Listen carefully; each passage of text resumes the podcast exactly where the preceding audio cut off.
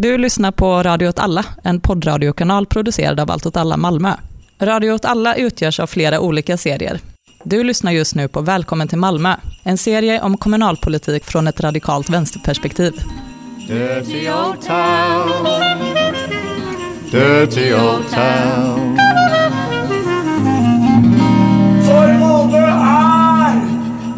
Stad! Välkommen till ett till avsnitt av Välkommen till Malmö, en del av Radio åt alla. Jag sitter här med Kalle, Hallå? med Karin Hej. och med David. Hej! Och jag heter Måns. Eh, när ni lyssnar på det här är det förhoppningsvis julafton eller dagar senare än julafton. Vi sitter med glittret hängandes över oss och tomten i hörnet och idag ska vi bjuda på fyra stycken julklappar. En julklapp är alltså ett helt vanligt inslag, men med bjällror i luften. Den allra första julklappen kommer från Kalle. Eh, ja, och jag tänkte prata lite om eh, kommunfullmäktige, för vi, det har ju varit en grej. Det har varit kommunfullmäktige den 10 december och det var det första helt digitala kommunfullmäktige i Malmö stad. Vilken grej! Ja, tidigare har det varit så, så kallat halvt digitalt, alltså att man kan vara med digitalt, men eh, alla som har varit med digitalt har eh, varit på väldigt mycket eh, sämre premisser. De har inte riktigt känt sig sedda på samma sätt. Man känner igen sig, ungefär som ett allt åt alla-möte, som är halvt digitalt. Men nu var det helt digitalt på grund av nya restriktioner. Men, men jag, jag tänker, folk tänker säkert, lågt hängande frukt, Kalle. Det är väl ganska lätt att göra sig rolig på gamla människor, som det ofta är, som är dåliga på Zoom.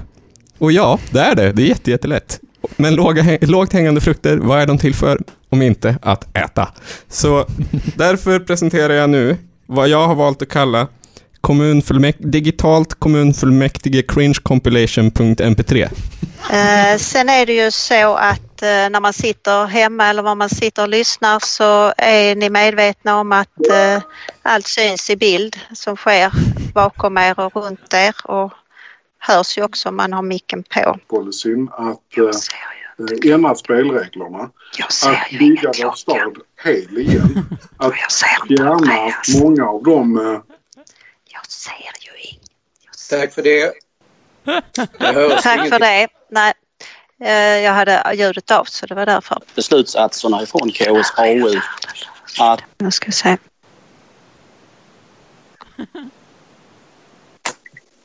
Okej, Okej, förlåt, jag tryckte för mycket här. Ser ingen som, inte, som signalerar så att då frågar, börjar jag med att fråga så här. Kan debatten anses avslutad och KF redo att gå till beslut? ja, ja, ja, ja. Svarar jag på det? Och då frågar jag fullmäktige, vill fullmäktige avgöra ärendet idag? Ja. ja. Vill fullmäktige återremittera ärendet? Ja. Ja. Och, eh, då tolkar jag eh, era svar som att det finns eh, en... ehm, jag ser inga sådana meddelanden så då frågar jag fullmäktige kan vi anse debatten avslutad och fullmäktige redo att gå till beslut? Ja. Ja. Eh, då frågar jag... Eh, och så ska jag också säga att jag har... Eh, Ja. Ja, Ja. Ja. tack för det. Ja. Ja. Vill kommunfullmäktige bifalla Sverigedemokraternas ändringsyrkande? Ja. Ja. Och då fin, finner jag att är det ytterligare som anmäler någonting? Ja. Miljöpartiet vill anmäla en skriftlig reservation. gällande sats 3. Eh,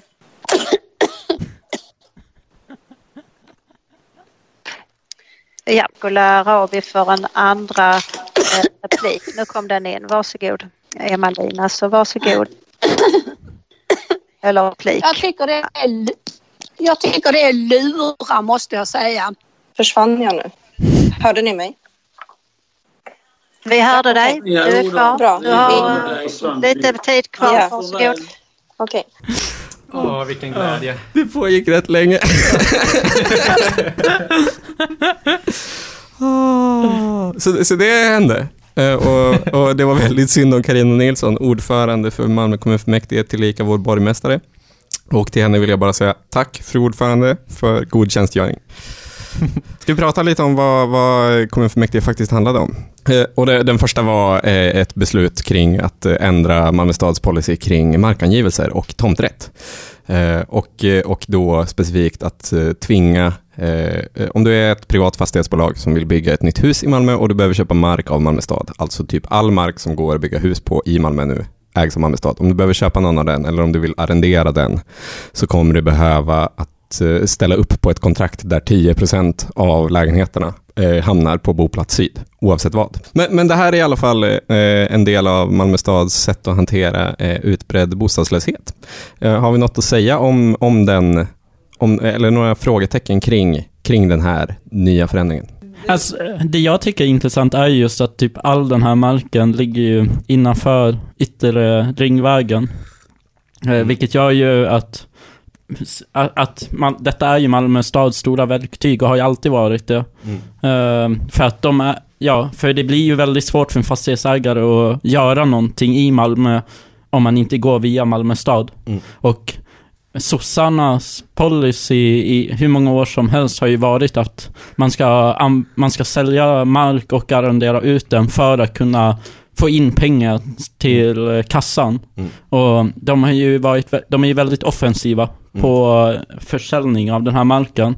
Ja, Eh, Malmö är väl i relation till andra kommuner så säljer Malmö väldigt mycket mer mark än en normal kommun. Mm. Och, och det har, har ju varit mycket med att de också har ju i princip ägt all mark. Det har ju, som jag minns det, kritiserats väldigt mycket Mm. eh, just av högerpartier. Att de menar att Malmö stad är liksom en kommun som är ofta i skuld. Mm. Och sen, men sen så försöker man liksom lappa ihop budgeten genom att man bara gör utförsäljningar av Mm. liksom den kommunala marken. Det här kan ju inte få så stora förändringar heller, för att det är ändå så, hur mycket nybyggen sker det i Malmö just nu? Det är, alltså, det är ändå en del, men byggtakten har sjunkit, Mm. så det kommer inte vara så mycket den närmsta tiden. Och så hur många procent av nybyggena i Malmö är egentligen hyresrätter? Jag vet inte. Nej, jag, jag vet inga procent på hyresrätter, men om man går tillbaka typ 10 år så byggde man typ 73 hyresrätter på ett år. Mm. Eller något sånt. Och förra året så var det typ 1200. Mm. Men eh, om jag minns rätt så har det fallit igen och är nere på någonstans bara på 700 hyresrätter. Huruvida det är intressant eller inte avgörs kanske inte av, av exakt vilket antal lägenheter man kommer bygga och vilket antal lägenheter det kommer att gälla, utan det är ju rätt intressant som viljeriktning, typ. Men det är ju dels problemet då att hus som redan finns kommer ju såklart inte omfattas. Nej. Eh, och oavsett hur mycket eller lite man bygger så kommer hus som redan finns vara en övervägande del av hus, Mm. liksom, totalt. Ja. Och sen också att det är en policy för hur man skriver sådana här markanvisningsavtal och jag vet inte i vilken grad det liksom efterlevs. Nej, det, det tänker jag är en viktig fråga också. Alltså på vilket sätt de är bindande. Mm. Eh, både, både att, att de här 10 procenten ska kastas in i boplats syd och att de sen ska ligga kvar där. Mm. Och vad det, vad det dessutom innebär för de återstående 90 procenten. Mm. Det, Alltså, alltså det, jag har svårt att tänka mig att det är så, man har inte en jättebra förhandlingsposition som kommun så, men nu bryter ni mot det här kontraktet, då kan de ju bara vara så, ja, ja, men vi har ju ett hus här, alltså jo, vad ska alltså, vi göra? Precis, precis, när man ändå lever i en, en tid där, där det offentliga inte bygger allting. Mm. Så, och, och där tvärtom är extremt starkt beroende av jättemånga privata Mm. aktörer. Men det har gjorts ganska många sådana här. Malmö är ju ganska långt i framkant vad gäller att ha sådana här så kallade sociala kontrakt. När det kommer till folk som arrenderar mark eller köper mark. Att det ska vara så. Nu ska, om, ni, om ni ska köpa den här marken och bygga hus så måste ni anställa x antal människor från y-område. Mm. Som lever i citattecken utanförskap. Sådana såna kontrakt har man redan gjort. Men det tänker jag är en lite annan sak. Alltså det, det borde ju vara rätt lätt att få folk att, att Ja. efterleva en sån sak. Jo. För att det är ju bara så här, ja men använd vårt arbetsmarknadspolitiska program så Mm. får ni ganska Såklart. billig arbetskraft och bra PR på samma gång. Såklart, såklart. Det är en, en annan sak att vara så här, ja ni ska bygga här, vi vill väldigt gärna att ni ska bygga här. Villkoret för att ni ska göra det är att ni ska acceptera att folk har försörjningsstöd för att Mm. få bo i era lägenheter. Mm. Det är ändå en ganska stor grej. Liksom. ja, tyvärr är det ju det. Mm. Uppenbarligen. Ja. Eftersom det finns ett jävla motstånd mot det. Händer det någonting annat på KF? Eh, Men eh, en sak som man pratade om, eh, det var ju SD hade en motion som de är någonting de har pratat om i flera, flera år. Och det är att de vill riva Norra Grängesberg Mm. Alltså alla hus där och bygga nytt på den marken.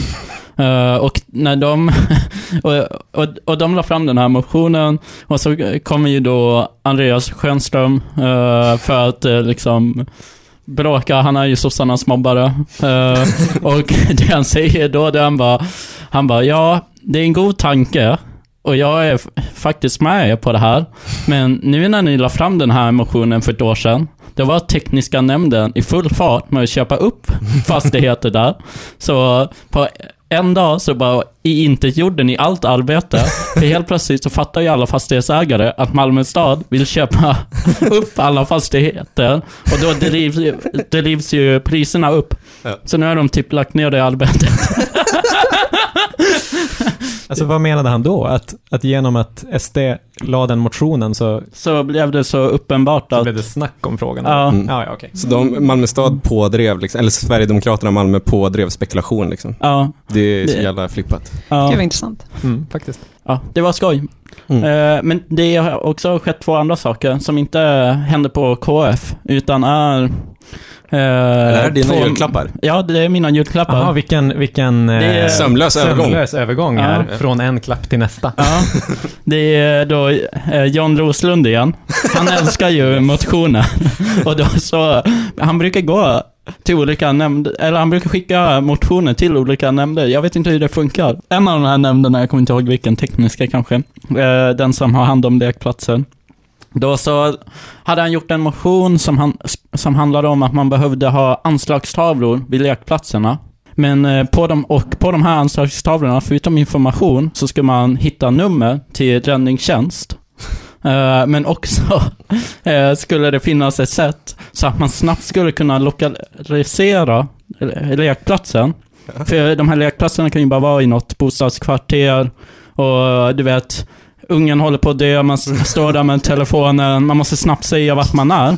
Och en vanlig förnuftig människa skulle bara, ja men då har vi ett väldigt tydligt namn på lekplatsen som också räddningstjänsten har.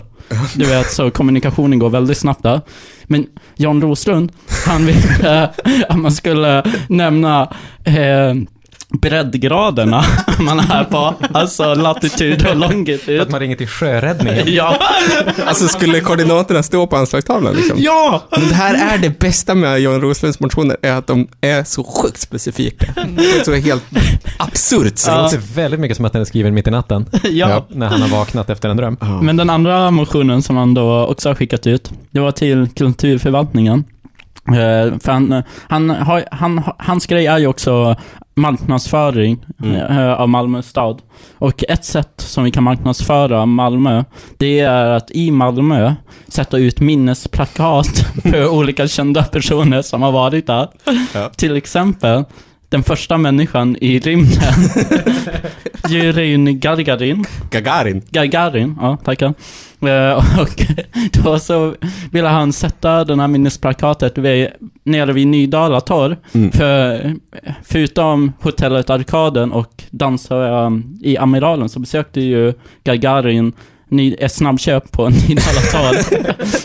Varför gjorde han det? För, vad Det- det, lät som jag- var jag min- det här andra. Jag minns att jag har hört historien som att det var någon lokal sosse som ville visa honom eh, modernismen. ja, det är, man måste tänka att Nydala var nybyggt, Ja. 64. Just det, därav namnet. Ja. Exakt. Men, eh, men också i den här motionen, då så skriver han att, att eh, det, det borde inte föranleda någon risk för vandalisering nu när Gagarin är död. Om man bara... Äh, äh, bor vi i samma Malmö? Jag tänker att det här minnesplakatet kommer hyllas om det byggs. Och också så här, man bara, Varför varför, skulle- vill du ha ett Det minnesplakat måste, över nej, det måste ju vara att John Roslund har läst om att Zlatan-statyn sabbades. Och därför var Ja. han så, nu måste jag vara lite finkänslig här. Just det, det finns, det finns ingen risk att Gagarin kommer att eh, köpa in sig i Hammarby. Nej. det är fan Ja, den är tur. väldigt liten. Ja, verkligen. Oerhört liten. Försvinnande liten. Och så, Det är ingen som kommer gå runt med Gagarins näsa på halsen på svartklubb i Malmö liksom. även om det hade varit riktigt tungt. Fett hade det varit. Ja, det hade varit jag. varit. Och alla hade känt igen den. Ja. Dreamed a dream by the old canal Kissed my girl Jag skulle vilja ge er i julklapp att eh, berätta lite för er om social dumpning. Vilken varm Oj, det känns som. så riktigt mjukt paket. Ja. Ehm, Vad och varför? jo, det har ju de senaste åren typ kommit en del kritik från vissa kommuner, särskilt landsbygdskommuner, lite mindre kommuner, ehm, där man hävdar att eh, det flyttar in personer till ens kommun som behöver försörjningsstöd eller andra typer av insatser från socialtjänsten, efter att de alltså fått hjälp utav sin hemkommun eh, att flytta, att hitta en bostad i den här glesbygdskommunen. Ehm, och lite underförstått då så handlar ju den här, eller ibland också explicit, så handlar ju den här kritiken om att eh, vissa kommuner eh, flyttar på personer som eh, kostar pengar och ja, för att slippa de kostnaderna för socialtjänstinsatserna helt enkelt. Det är det här man kallar social dumpning. Mm. Men, eh, exempel på kommuner, alltså det var väl något reportage om så Kramfors kommun, där det var så folk från, stackare från hela landet som har förvisats av sina storstadskommuner, Ja. körs upp med så s- svebuss till, till Kramfors, som typ är en av Sveriges liksom fattigaste kommuner. Mm. Och bara bodde i någon just det där ruckel, liksom. om Svebus kan jag faktiskt inte styrka.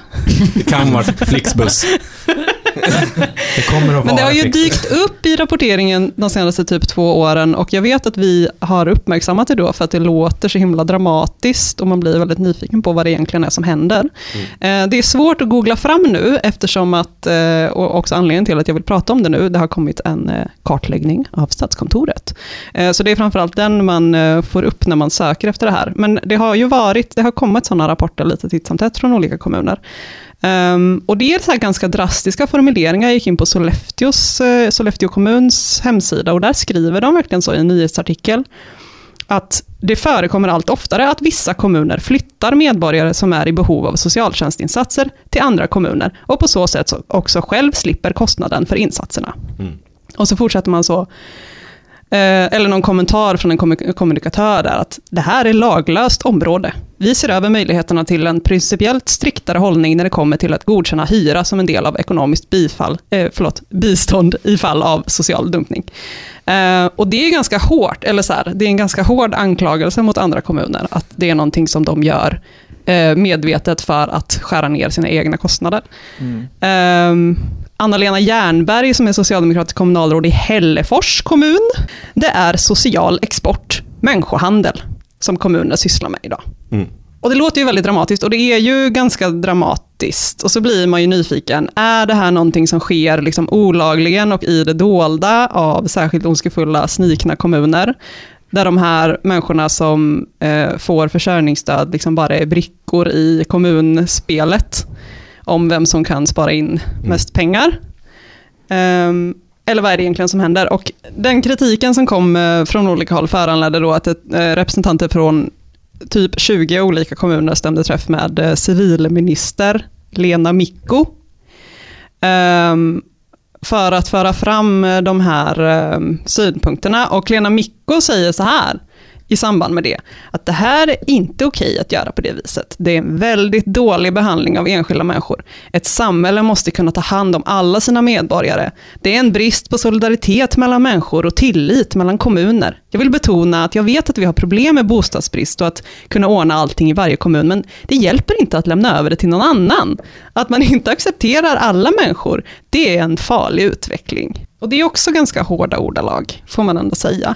Och, eh, så det är väldigt många frågetecken här, men som tur är så fick alltså Statskontoret i uppdrag att eh, göra en utredning. Eh, man har alltså kartlagt hur kommuner aktivt medverkar till att personer som behöver ekonomiskt bistånd för att lösa sin bostadssituation flyttar till en annan kommun då utan att man själv liksom uttrycker en vilja att man vill flytta. Mm. Så, det är liksom definitionen av den här aktiva medverkan. Den här kartläggningen består av en enkätundersökning som man har gjort med eh, alla olika kommuner. Eh, att Jag tror att det är tjänstemän som har svarat på den. Eh, Och då kan man säga i stort så här att 63 procent av kommunerna säger att de har tagit emot nya invånare under 2019 och 2020 som har fått hjälp av socialtjänsten i sin tidigare kommun med att ordna en bostad i kommunen. Mm.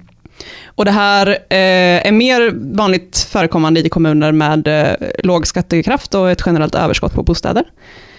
Och det verkar också vara hyfsat vanligt förekommande att flytten går över länsgränser, så att det handlar liksom kanske lite större avstånd än bara man flyttar till grannkommunen. Så. Um, och det framgår inte av de här siffrorna vad det betyder att hjälpa någon att flytta. Socialtjänstlagen säger att insatser som socialtjänsten gör inte får ske över huvudet på den enskilde. Och att de ska syfta till att ge individen förutsättningar att klara sin egen försörjning. Och mer konkret än så blir det liksom inte. Och därför så är det, finns en svårighet i att avgöra så vad som är okej, typ att hjälpa någon att flytta. det blir liksom en gradskala för vad som är okej eh, och inte enligt socialtjänstlagen. Att uppmana personer att söka bostad i andra kommuner står inte direkt i strid med lagen, men de flesta skulle kanske hålla med om att eh, man rör sig konstigt, i alltså. utkanten av tolkningsutrymmet. Ehm, dock så, alltså man får ju komma ihåg att, jag vet inte, om man utifrån lagen sett då, så kan det ju finnas goda skäl att typ eh, uppmana, eller jag vet inte, hjälpa någon att flytta om den själv tycker att det är en bra idé och att så här, det hjälper den att få ett stabilt liv. Jag vet inte, enligt, om man utgår ifrån vad socialtjänstlagen liksom syftar till. Men det finns eh, också de kommuner, visar sig i den här kartläggningen, som ehm, hjälper personer på ett sätt som står bara liksom i strid med lagen. Um, enligt eh, Statskontorets eh, tolkning då. Och då är det ändå 24 procent av kommunerna som uppger att man villkorar försörjningsstöd mot att personen söker bostad också i andra kommuner. Mm. Och att det är särskilt vanligt i storstadskommunerna. Mm. Och det är ju inte okej. Nej, det är ju uppenbart. Det tycker nog ingen. liksom. Ja. Och sen är det dessutom eh, 7% av kommunerna som uppger att man betalar personens hyra för fler än den första månaden. Om man flyttar till Kramfors. Om man, om man flyttar till, till Kramfors. Så, får, så bjuder hemkommunen på hyran. Så, i, jag vet inte liksom. ja, vad det nu kan vara. Liksom. Men, eh, förlåt om jag avbryter din prata, men så, om man försöker tänka sig hur det här utspelar sig för en individ, så är det väl typ, om jag får gissa, så är det, man har det jävligt piss, man bor i Malmö.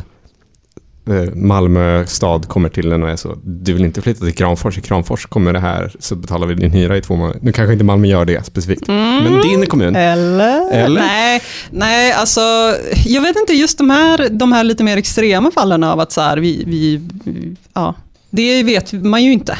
nej. Men, men min poäng är mer så att det kanske sker lite suggestion, som det heter. Att, att man kanske inte blir tvingad, men, men det finns ju vissa incitament. Liksom. Ja, ja, ja absolut. Ja, men, men det är ju, och det är ju det som är hela problematiken. Och det som, det som just som socialtjänstlagen också är skriven utifrån, att det handlar om personer som står i liksom beroende. De är i en utsatt situation, de måste liksom ta det de får. Mm. Och Mm. därför så är det så himla viktigt att eh, en, insatser inte sker över huvudet på den enskilde. Mm. Eh, så. Samtidigt som det är svårt att avgöra vad som är över huvudet. Exakt. Eftersom att även det som kan verka, verka som att det är väldigt mycket på nivå med huvudet, Mm. sker under väldigt ojämlika maktförhållanden. Ja, Men det är intressant att så kommuner har så formella samarbeten med varandra så genom SKR och så vidare.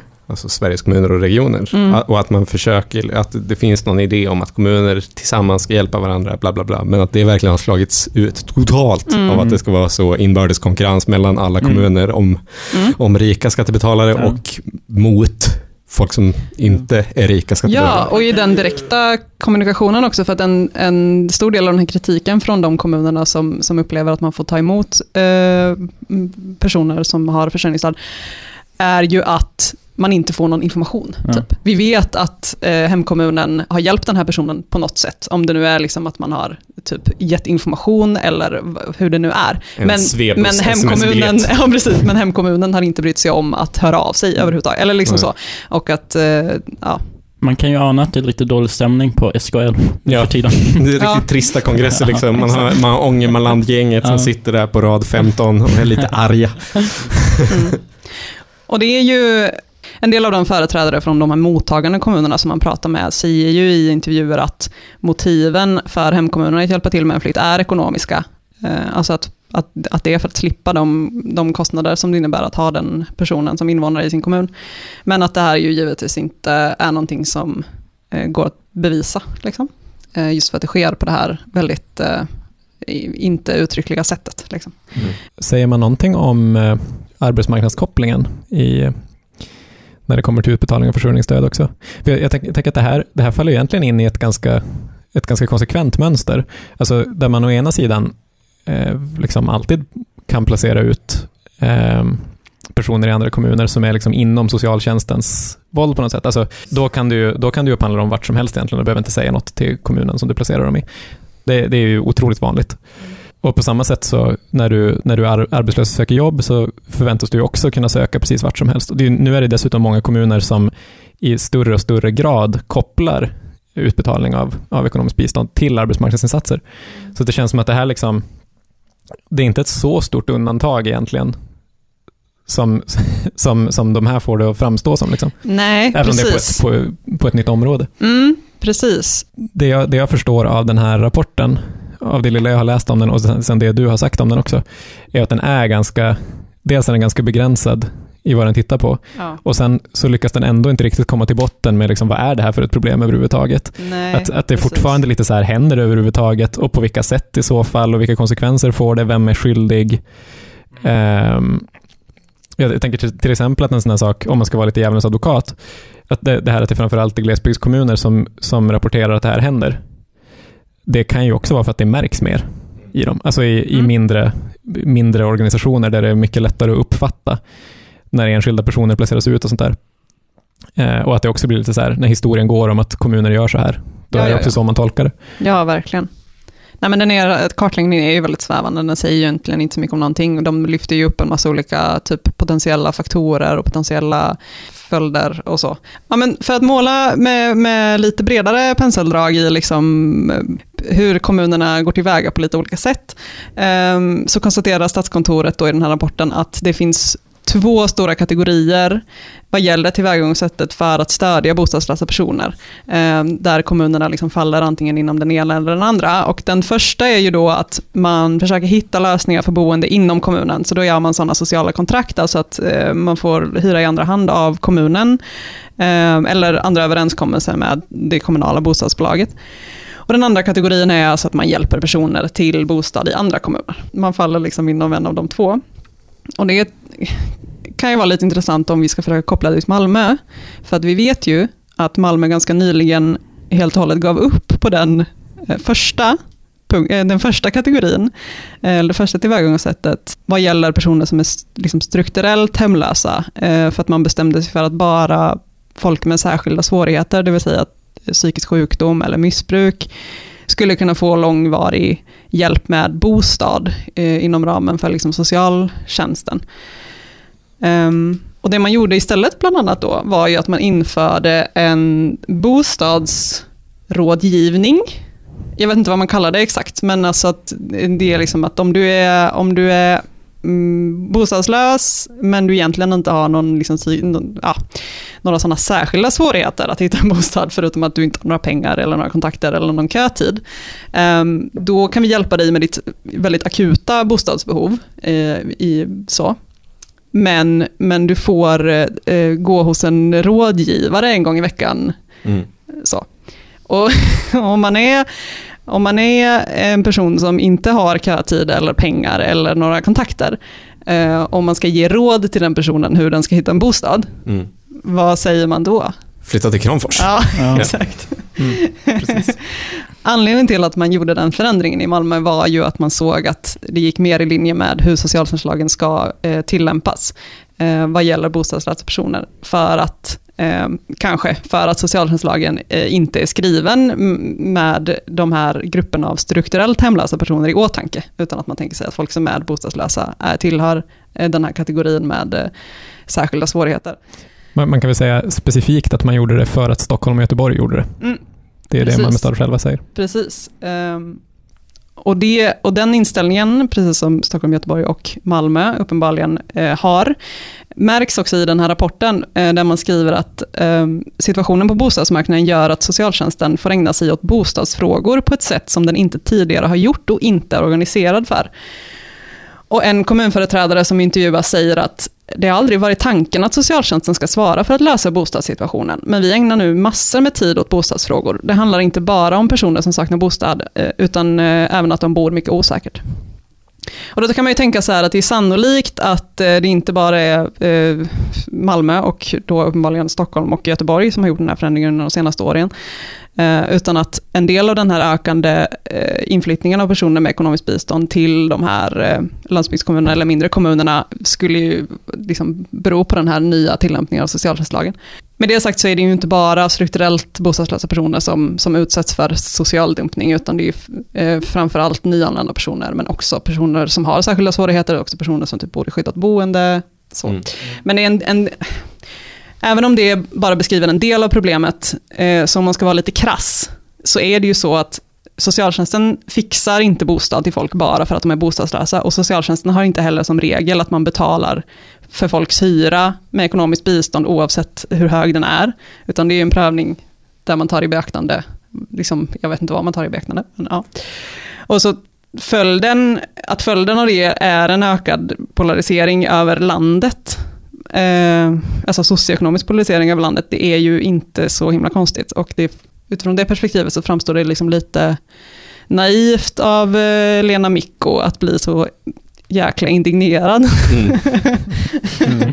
men, eh, nej, men jag tycker att kontentan av det här är ju att eh, fenomenet social dumpning är liksom inte ett fenomen. Det är bara den eh, helt normala följden av att systemet ser ut som det är. Mm. Mm. Så Nej, det, att, ja. Absolut, absolut. Och att, att, det inte är ett, att det inte är ett isolerat problem. Alltså, å ena sidan inte isolerat på det sättet att det är en del av en jättestor strukturell ut, utveckling, liksom, med stora geografiska ojämlikheter. Mm. Men också att, att det bara är ett av väldigt många andra sätt som eh, en nyliberal välfärdsstat fungerar på. Mm. Alltså att, att det offentliga i allt större utsträckning styr med mjuka metoder mm. som rör sig i någon slags liksom, regleringsmässig gråzon. Mm. För det är, ju, det är ju det problemet som, som syns här hela tiden, att, att det här inte omgärdas av något regelverk överhuvudtaget. Mm. På det sättet att det inte ens går att se vad problemet riktigt är för någonting. Mm. Och det är liksom omöjligt att mäta upp också eh, vad en kommun gör fel när den ger rådet att flytta till en kommun med en lite öppnare och billigare bostadsmarknad. Mm. Ja, och vi måste också komma ihåg att det här är inte ett nytt fenomen. Alltså detta är väldigt gammalt. Alltså, det var ju förr i tiden som, jag menar, Malmö dumpade människor till Landskrona. Mm. Nu är Landskrona väldigt sur på det och nu försöker de dumpa folk mm. till andra ställen. Mm. Jag vill, jag vill att vi ska tänka på min eh, farmors far Kurt Archibald, som förutom namn. att han är ett tungt namn, blev, blev so socialt, socialt dumpad i Lycksele från Stockholm. Men jag hade, jag hade en riktig tanke också som jag har hunnit glömma bort. Ja, men jag har ju fortfarande inte kommit till min sista poäng, så jag kan fortsätta prata. Men, okej, okay. så att, eh, om det, det, det är kanske inte super, den här kartläggningen är inte superintressant, eller så, men om man, om man ändå vill reflektera lite ytterligare över detta, Eh, så kan jag tycka att det är intressant hur, hur den kommunala bostadskön blir liksom ett viktigare instrument för att skapa någon slags jämlik fördelning av bostäder. Ehm, eftersom att man inte inom, inom det rådande systemet har några möjligheter från socialtjänstens sida att hjälpa personer som är strukturellt hemlösa då, genom andra uthyrning av liksom kommunala eh, hyreskontrakt, så blir det ju den kommunala bostadskön där lägenheter fördelas efter köpoäng, och även till de som saknar en löneinkomst, liksom det enda systemet där förutsättningarna att hitta en bostad jämnas ut. Och mm. då är ju slutsatsen av det är ju också så här att om man inte har kötiden så får man ju flytta någon annanstans. Mm. Så. Mm. Um, men jag tyckte också att det märktes på ett, roligt kanske är fel ord, det märktes på ett intressant sätt i debatten om Limhamns sjöstad, som vi pratade om för ett par avsnitt sedan. Och eh, där handlade det ju om att eh, eh MKB har byggt eh, nya hus i Limhamns sjöstad och eh, att det bor folk där som har, eh, inte har någon löneinkomst. Och så fanns det liksom en del av den här debatten som var som en moralisk eh, eh, om frågan huruvida det är moraliskt försvarbart att personer som inte har lön ska få bo i fina lägenheter i fina Limhamn och att Moderaternas Torbjörn Tegnhammar sa då att det liksom enda rimliga är att man ehm, är att man ska få liksom privilegiet att bo i Limhamn på sina egna meriter. Medan Meriten, stå i kö. sossen vid ratten, Andreas Schönström, eh, inlägg var att eh, han tycker att de fattiga människorna som nu bor på Limhamn i de här nybyggda husen verkligen har förtjänat det eftersom att de har stått i kö. Båda, det är ett så konstigt moraliskt, ja, båda. Ja. Men då blir det ju problem om man bara om man liksom hänvisar till kön så blir det ju problem att det finns en massa privata fastighetsägare som sitter på en väldigt stor del av lägenhetsbeståndet som inte har några krav på sig att använda sig av kassystemet och inte heller har några krav på sig att godkänna ekonomiskt bistånd som inkomst. Ehm, och där kommer ju den nya markna- markanvisningspolicyn in. Callback. Snyggt. Ja. Där man alltså säger att ehm, ja, hyreslägenheter som byggs på mark som ägs, idag ägs av Malmö stad ska till 10 procent eh, fördelas via Boplats Syd till, och även då att personer som inte har löneinkomst ska kunna söka dem via den kommunala kön. Nej, men jag tänker att den sista grejen som eh, är intressant att ta upp från den här kartläggningen då av social dumpning från Statskontoret är ju att eh, det finns ett avsnitt som handlar om eh, hur fastighetsägare är en liksom, drivande faktor i detta. Ehm, och man konstaterar att det finns eh, alltså sådana äkta slumlords i de här mottagande kommunerna som inhyser de här eh, inflyttade personerna. ja. Vem hade kunnat ana? Ja, ja, absolut. Ja, men de beskriver det på ett ganska målande sätt som man blir jävligt trött. Alltså det är verkligen så på nivån av att det är hus som har liksom dömts ut av kommunen tidigare och där liksom kommunen har hjälpt folk att flytta därifrån. Nej. Alltså, så, Oh, och, och sen så flyttar de här ja, eh, andra personerna in. Då.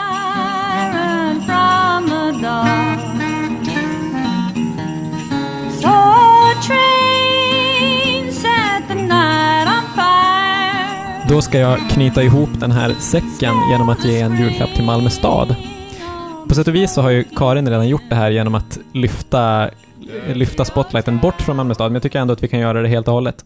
För att vi pratar ju mycket om Malmö stad, vi driver mycket med Malmö stads företrädare och så vidare, spelar upp klipp på när de inte kan internet och så vidare. Hostar. Hostar och viskar för sig själva till sina inre demoner. Eh, men hur som helst, min, min julklapp till Malmö stad är att jag ska presentera alla andra kommuner som har varit i blåsväder år 2020. Ja, nice. Min metod har sett ut så här, att jag har gått in på www och så har jag sökt på kommun asterisk och blåsväder asterisk. och det här har, har jag spenderat en timme på ungefär. Är det, är det det här som är rubrik kommuner i blåsväder? Ja, det är det. Ja. Och så här, 2020 är ju generellt ett år av besvikelser. Och jag skulle säga att det här gäller även för kommunernas blåsväder. För vi har inget att Laholm har köpt in tänkarhattar.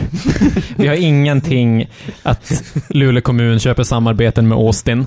Just det, Austin, har- Texas. Ja, men mycket sånt som, som man har skrattat åt under tidigare år, men som vi helt enkelt har tvingats gå fria från.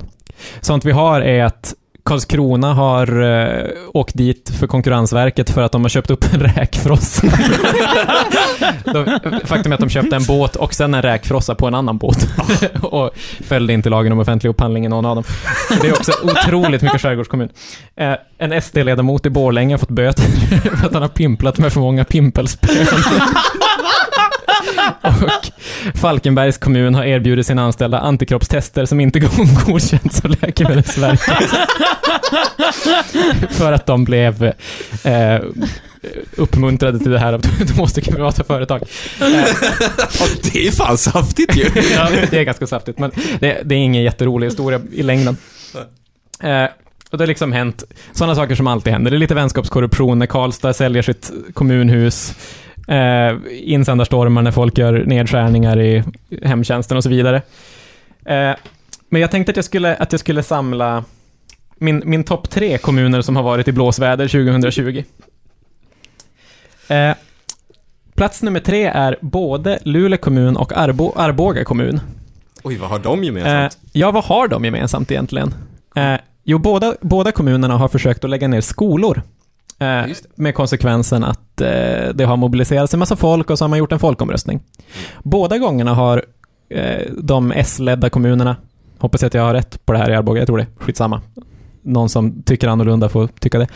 Eh, har eh, när, när, man, när man har skrivit, skrivit in eh, svarsalternativen i de här folkomröstningarna Mm. så har det gjorts på ett väldigt konsekvent sätt där man har sagt Jag röstar ja till att stänga ner skolan och tar därmed ansvar för hela kommunens framtid.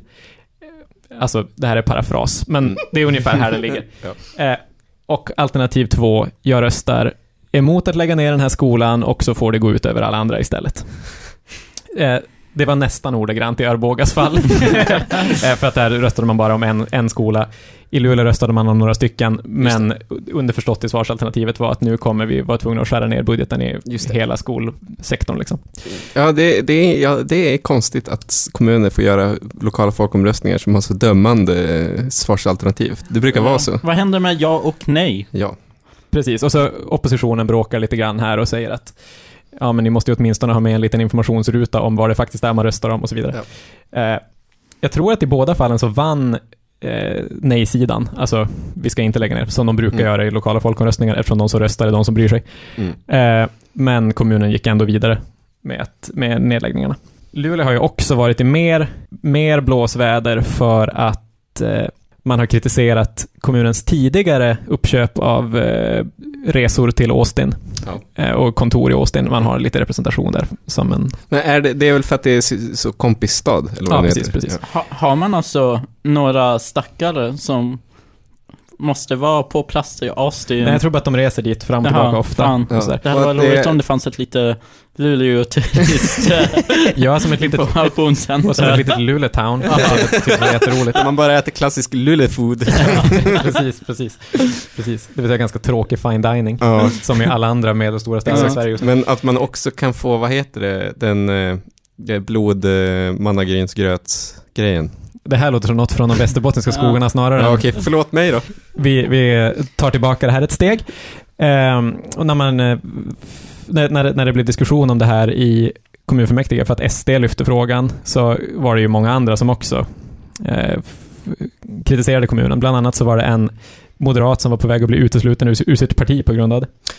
Ja men Luleå är fan, Luleå är ändå en riktig kommun alltså. De har ändå haft rätt bra med skandaler. Alltså, ot- otroligt bra med Niklas skandaler. Nordström, vad var det han fick sparken för egentligen? Han Ja. var ju, han var ju deras toppdog. Precis. Eh, Vi ska inte gå in på en för lång tangent om det här. Men Det är väl 2019 kan man jobba historia. mycket med. Ja, precis. Alltså, deras före detta, före detta kommunalråd, eh, Niklas Nordström, som eh, kom, kom direkt från en, en i praktiken Alliansen köpt tankesmedja som jobbade Mm. för att styra sossarna högerut. Blir kommunalråd i kommunen, köper samarbeten i Austin tillsammans med en person som jobbade på samma tankesmedja. Eh, Niklas jobbar också vid tidpunkten och fortsatt tror jag, på, som lobbyarbetare för svensk flygindustri. Ja, precis, precis. Eh, det är en massa grejer som händer. De säljer ut lite allmännytta och sånt. Sen förra året så är det lite oegentligheter i hans privatliv Mm. eh, som också spelar in i en, en anställning av en kommunal tjänsteman. Så att han får gå och nu så har han startat ett nytt företag som jobbar med konsulteri i krishantering. Mm. Vilket är roligt. Eh, den tidigare kommundirektören eh, Mikael Lekvall som fick sparken 2019, eller avgick 2019, för att han hade, köpt privata mentorstjänster för en halv miljon kronor, Ja, har också i år börjat jobba i Nacka kommun som chef för äldreomsorgen.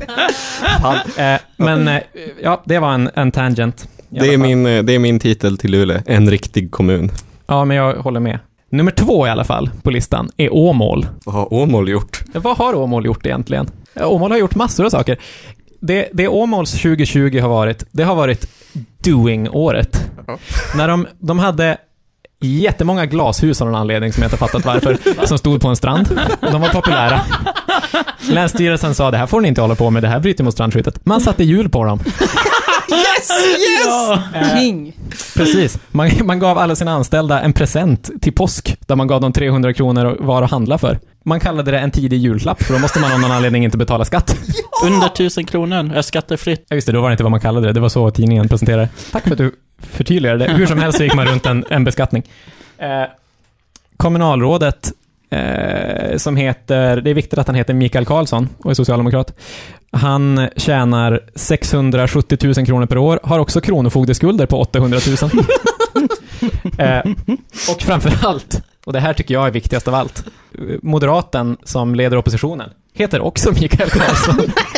Så man är heller inte emot att ha annat än väldigt vanliga namn. Ja, Åmål. Eh, Just det, och de- deras kommundirektör är också samma, kommun, eh, vad heter det, samma kommunalråd som satt i Sigtuna och eh, köpte tjänster av byggbolag mot, eh, eller fick hjälp av byggbolag i valrörelsen mot kommunala kontrakt.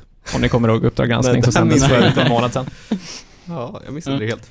Eh, så att det var Åmål. Eh, men nummer ett är givetvis Hörby. Vad har Hörby gjort? Hörby är SD-lätt. Hörby har en kommundirektör som inte tycker om sina anställda. Och vars, vars politiska ledning inte heller tycker om sina anställda. När Sverigedemokraterna fick makten i Hörby så bytte man ut i praktiken alla ledande tjänstemän. Och det här var ju inte en politisk... Jag, jag tror inte att man ska säga att det här var politiskt lätt. Eh, Det, det var nog en, en, en kombination av, av slump, folk som sa upp sig och ja, så här, man kan inte säga att det har med SD att göra specifikt. Men de skaffade en massa nya höga tjänstemän i alla fall.